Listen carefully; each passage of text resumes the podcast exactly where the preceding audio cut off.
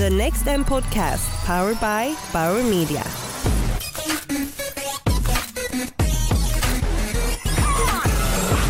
Hej och välkomna till Next M-podcasten 2017 som presenteras av Bauer Media. Mitt namn är Martin Hugosson och jag är VD på Maxus Communications.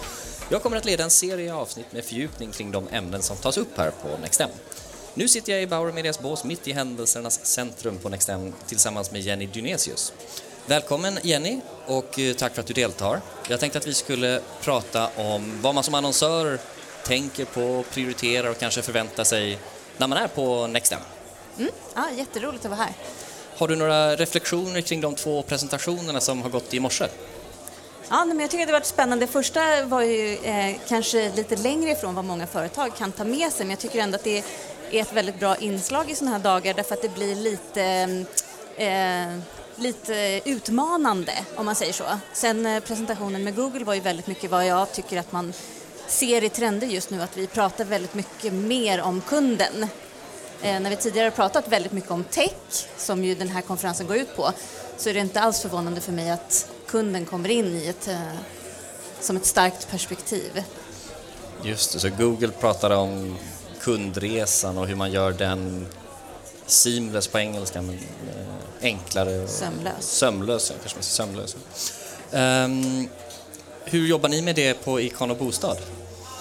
Alltså jag skulle säga att vi är ganska mycket i eh, början av den här resan, som jag tror att många företag är, att vi eh, jobbar med vår kundresa, eh, men sen också att vi försöker ta steget ifrån att prata, min, alltså att prata mindre om vad vi vill prata om och kanske mer av vad kunden vill höra just då, vid det tillfället. Just det. Är det en prioriterad och viktig fråga internt hos er? Absolut, absolut. Eh, jag skulle säga att det har skett en ganska stor förändring internt hos oss också. Alltså bland annat så är ju min roll en ganska ny roll som har kommit till. Eh, men med det sagt så är det inte så att man tillsätter en roll och sen så bara en digital strateg och sen så bara rullar det på som det ska. Utan det, det här är ju någonting som behöver liksom sippra ut i hela verksamheten. Så att det här är ju någonting som vi pratar om på alla olika nivåer. Alltså ledningsgrupp som sen tar ner i olika avdelningar och sen i ja, styrkort och verksamhetsplaner för hur vi ska jobba framåt. Just det. Vill du beskriva din roll i den, eh, mm. den helheten? Ja, precis. Jag jobbar med eh, digital strategi kopplat till kommunikation framför allt. Så att jag är ju inte inblandad i de digitala utvecklingarna kopplat till våra bostäder. Alltså hur vi, det finns ett helt team som jobbar med det också. Hur ser framtidens bostad ut? och så vidare. Utan jag jobbar väldigt mycket med eh, det kopplat till en kommunikation, alltså marknadsföring, eh, sajten eh, och så. Just det. För de eh, lyssnarna som är antingen yngre eller på väg upp i sin karriär så låter det som ett, ett drömjobb för väldigt många. Så har du några tips om hur man tar sig dit? Eh, ja, nu för tiden finns det säkert utbildningar för det här men eh, det är ju inte någonting som jag har eh, gått utan det har mer varit intresse och erfarenhet. Det som jag tycker är väldigt, som jag skulle vilja lyfta fram som jag tycker är väldigt roligt är att eh, jag har inte jobbat inom bostadsbranschen innan jag kom till Ikano Bostad. Eh, utan jag har varit i den ideella branschen och jag har varit på olika myndigheter och i bokförlagsbranschen eh, och så vidare. Eh, jag tycker att det är väldigt roligt att kunna ta den kunskapen jag har och eh, applicera den på en ny bransch. Och i det här fallet är det då Ikano Bostad och bostadsbranschen, det vill säga att, att min kunskap kan appliceras på många olika branscher. Det tycker jag är väldigt roligt. Men med det sagt så finns det ju väldigt många bra skolor nu för tiden som jobbar med det här. Så börja med en bra utbildning och sen få intryck från många olika situationer eller branscher då kanske? Ja, exakt. Är det några förändringar internt hos er som du ser ni kommer genomföra i år för att bli mer tech-tillvända eller digitaliserade? Ja, alltså vi vi jobbar ju som sagt ganska mycket på att få in det digitala perspektivet i många olika led. Så det är väl den resan som fortsätter. Att det nu ligger i våra styrkort, ja men nu ska det bli verklighet. Så det här handlar ju om att få ut det på alla olika nivåer i bolaget. Mm. Men sen också så handlar det ju om att se till att man har rätt resurser. Kanske fortbilda eller hitta nya resurser. Det är ju lite olika hur man vill göra. Det pratas ju om en hel del olika tekniker här på NextM och en del ställer ut och en del håller föredrag och sådär. Mm. Är det någon specifik av dem som du tycker är extra intressant eller spännande av eh, AI, VR, ögonrörelsestudier och alla andra som är här? Ja, alltså jag skulle säga att VR är ju en väldigt eh, stor del för eh, byggbransch och bostadsbranschen just nu kopplat just till kund och hur kund ska kunna uppleva. Det känns ju verkligen som att eh, framtiden är här om man säger så. Väldigt många använder det idag. Det kommer bli mycket, mycket vanligare. Eh, det är ju en, ett enklare sätt för oss att visa upp produkten, för kunder att inte behöva ta sig vad det nu än är i snöstorm eller hur det nu kan vara. Att kunna få uppleva någonting från en annan ort eller ja, det känns ju eh, väldigt tillgängligt på det sättet. Så att VR är ju en naturlig del av bostadsbranschen skulle jag vilja säga. Eh, sen eh, internt så tittar vi väl en hel del på AI också och hur vi kan använda det för att göra, inte bara för att eh, som Google lite demonstrerade här för oss tidigare med eh, kopplat till kundservice och en kund som ber om någonting och ett AI som hjälper dem med någonting, kanske chattbotar och sådär som man pratar ganska mycket om. Men också kopplat till hur vi kan använda det för att förbättra våra tjänster. Finns det någonting du är besviken på att man inte har löst ännu med hjälp av eh, marketing technology? Som... Det första föredraget här pratade ganska mycket om hur enkelt det var med eh, eh, det här med att du kunde liksom programmera din egen musik, göra din egen musik och att du behövde inte vara en programmerare. Jag tycker fortfarande att det finns ganska mycket eh, svårigheter i tekniken. Alltså det finns fortfarande mycket investeringar som man måste göra. Du måste ha väldigt mycket kunskap själv, mycket att sätta sig in i, många eh, företag att ta ställning till. Alltså marknadsavdelningar i, i dagsläget översköljs ju av olika eh, marknadsavdelningar, digitala avdelningar, kommunikationsavdelningar överöses ju av olika typer av smarta företag som kan lösa just dina problem åt dig. Alltså att navigera i den här djungeln och att kunna dra verklig affärsnytta av det här tycker jag fortfarande är en... Alltså komplexiteten ökar i att transformera smarta lösningar till affärsnytta nu jämfört med innan när det fanns färre smarta lösningar. Ja, men precis. Jag tror att alltså, vi pratar ganska mycket om att förenkla vardagen på, vårat, eh, på Ikon och Bostad. Eh, alltså hur våra boenden ska förenkla vardagen och där blir ju tekniken en väldigt naturlig del i det. Och det, det hör ju ihop med exakt det här att det är inte det, kommer, det är ju en självklarhet för många idag, för den generationen som kommer och, och den generationen som många gånger är våra eh, köpare, för dem är det liksom inte en fråga om om, utan det ska bara finnas där, det ska bara funka framför allt. Det här ska inte vara någonting som gör ditt liv mer komplicerat, utan det ska förenkla vardagen. Det förstår jag. Eh, har du något exempel där som man kan berätta för lyssnarna om eh, hur ni förenklar vardagen? Om man skulle konkretisera det. Ja, precis. Vi har ju, ett, eh, vi har ju ett, något som vi kallar för Bolab där vi jobbar med innovation och tar fram lösningar som vi, fakt- som vi sen plockar ut i vardagen. Och ett av de exemplen är att vi nu har börjat producera något som vi kallar för flexväggar, det vill säga att vi har väggar som skapar ett extra rum. Alltså det vill säga när, när det, är, det är dyrt att bygga bostäder, det är dyrt att köpa bostäder, eh, för att ge mer för pengarna. Att du köper en tvåa och så får du en trea till exempel så har vi något som, eh, en produkt som kallas för flexväggar som faktiskt finns ute. Det är roligt när innovation också blir verklighet. En produkt som faktiskt finns ute och det är då väggar som du kan liksom, dra ut och där du får ett extra rum eller en extra garderob och sådär. Så om man vill vara för sig själv lite kan man dra ut en vägg och få, få ett Ja, men, nytt rum. eller om du får besök av din eh, mamma över helgen eller om du har barn varannan vecka. Just det. Eh, det har ju, vi lever ju i en annan, mer flexibel värld nu och vi behöver bli smartare om ytan som vi befinner oss på. Sitter jag i Bauer Medias bås mitt i händelsernas centrum på NextM tillsammans med Martina Göransson som är Head of Insight and Media på Tele2. Välkommen så mycket eh, Martina. Tack så Kul mycket. att du vill vara här. Tack. Kul att få vara här. Ja, bra. Eh, Jag tänkte om vi börjar med att fråga hur viktigt är det för er att utveckla er marknadsföring i kombination med ny teknologi? Eh, ja, det är ju jätteviktigt. Som telekomoperatör är det ju inte bara en, en marknadsföringskanal, det är ju också den valutan som vi till mångt och mycket säljer. Så att, ehm, vi försöker utveckla oss och eh, ligga i framkant så mycket som det går. Är det något större projekt som ni har gjort nyligen eller tagit något större steg? Som du... Nej, men i, i takt med att mediekonsumtionen förändras så förändras ju också våra mediemix och, och ja, det säger sig självt att uh, våra medieinvesteringar blir ju allt mer digitala och vi lägger större uh, andel av våra investeringar där.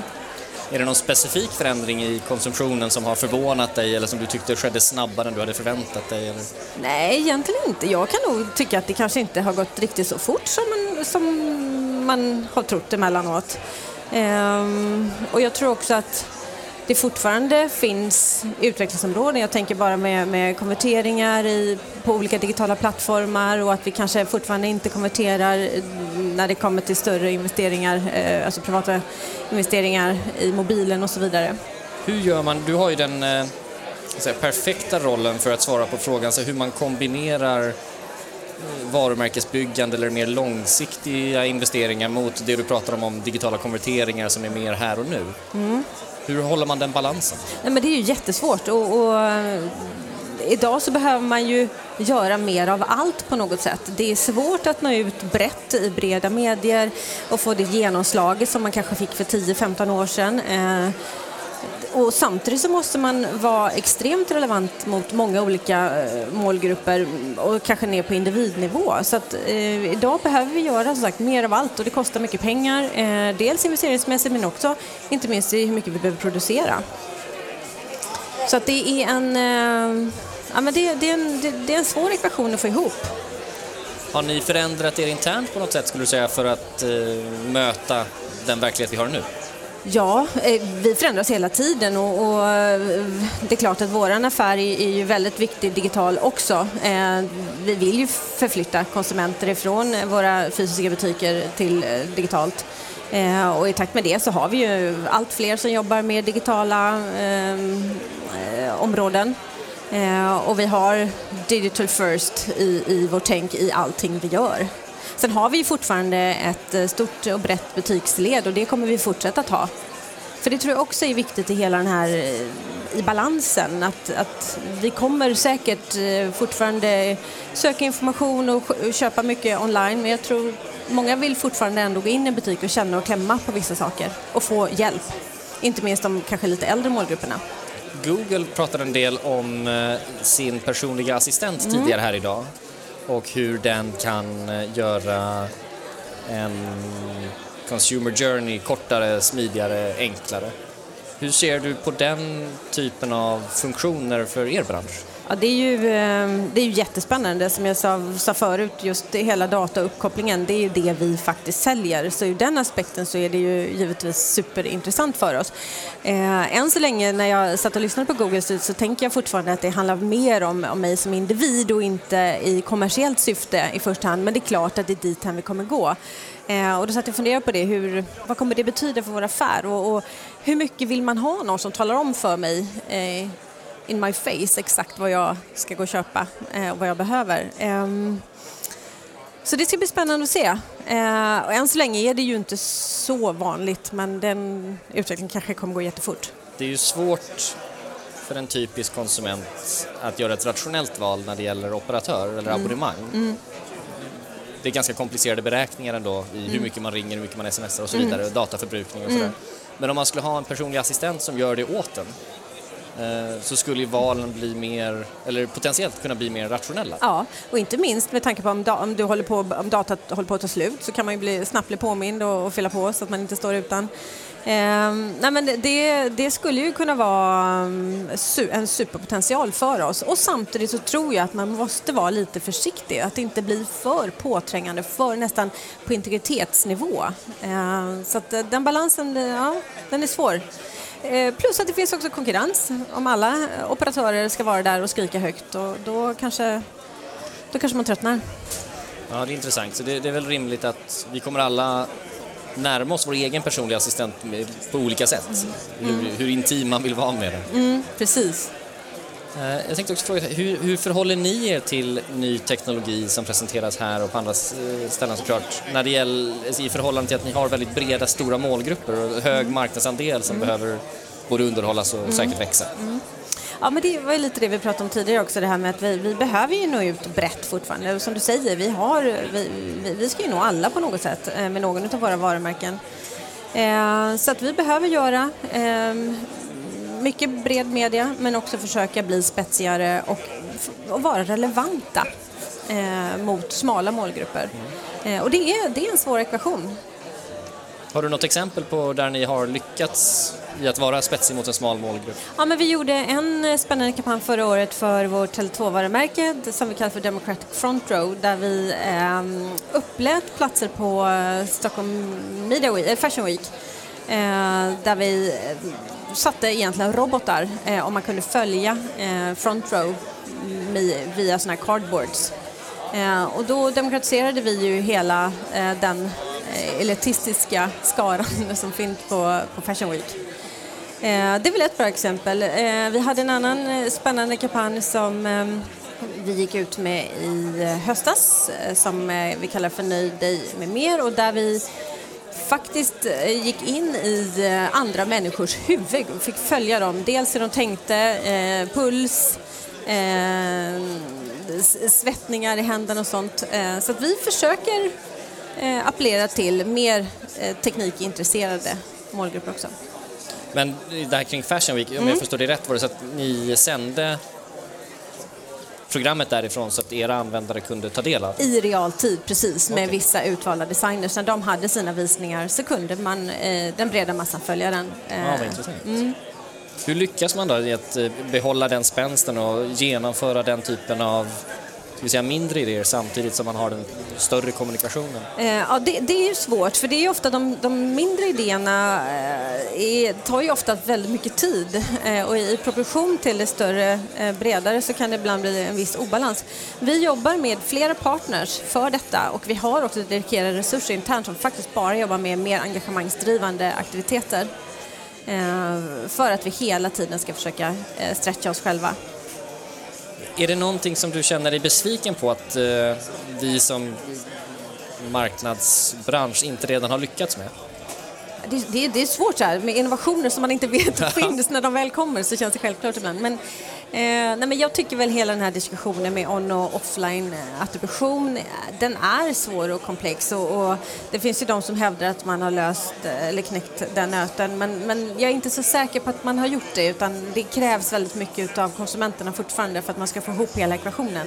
Så där tror jag det finns mer att önska. Och, och, överhuvudtaget. Idag vet vi så otroligt mycket om våra konsumenter. Det finns ju footprints och data för allt och alla hela tiden. Men, men frågan är att omvandla det till riktiga insikter. Där tror, framförallt, där tror jag att vi eh, som bolag behöver bättre och det tror jag för ganska många annonsörer. Jag upplever att man ibland kan hamna i problemet att man vill ha mer data och så som det ser ut nu så finns det inget slut på den, den tunneln om man väl börjar vandra ner där. Eh, I, i, i min lilla insightgrupp så, så pratar vi ofta om att data är ju egentligen det som det är det vi baserar allting på. Men data i sig har ju inget värde utan det är ju hur man omvandlar det till insikter och fakta. Eh, och det är det som vi måste göra. Organisationen behöver inte mer data, den behöver mer insikter eh, som är baserade på data. Så där har vi ett jättejobb att göra. Och, och eh, det är nog bara analytiker och de som sitter och, och grottar i siffrorna som vill ha mer data. Alla andra vill ha fakta. Jag upplever att mycket av den data man får tillgång till nu adderas utöver det man redan hade? Ja, så är det ju. Absolut. Ser du att det finns någon data som vi har eller som vi snart kommer ha som kommer ersätta någonting av det vi har haft under väldigt lång tid? Även här tror jag att, att det kommer bara bli mer. Ja. Eh, så jag tror inte nej, jag tror inte vi kommer ersätta data. Tidigare har det varit väldigt mycket försäljningsdata och, mm. eh, och demografiska data. Idag vet vi ju mycket mer eh, och kan följa kunden och konsumentresor. Vi vet var i, i köpcykeln de befinner sig. Och så. så nej, jag tror inte att det kommer bli mindre. Jag tror inte det kommer ta bort. Däremot så tror jag att tricket handlar om att ackumulera datan och se den inkrementella effekten av att använda alla datakällor tillsammans. Det låter som att insightavdelningen blir en viktigare funktion eh, framåt. Det, det, det tror jag verkligen. Eh, och du måste ha dedikerade resurser som sitter med det här för att eh, det är komplext och det är svårt. Eh, och har man ofta har man ju ett annat jobb också så man behöver vara, vara dedikerad till, till analyserna. Ja, tack så jättemycket för att du ville komma till oss. Tack så tack hemskt mycket. För att du Tack, för, tack för att jag fick komma.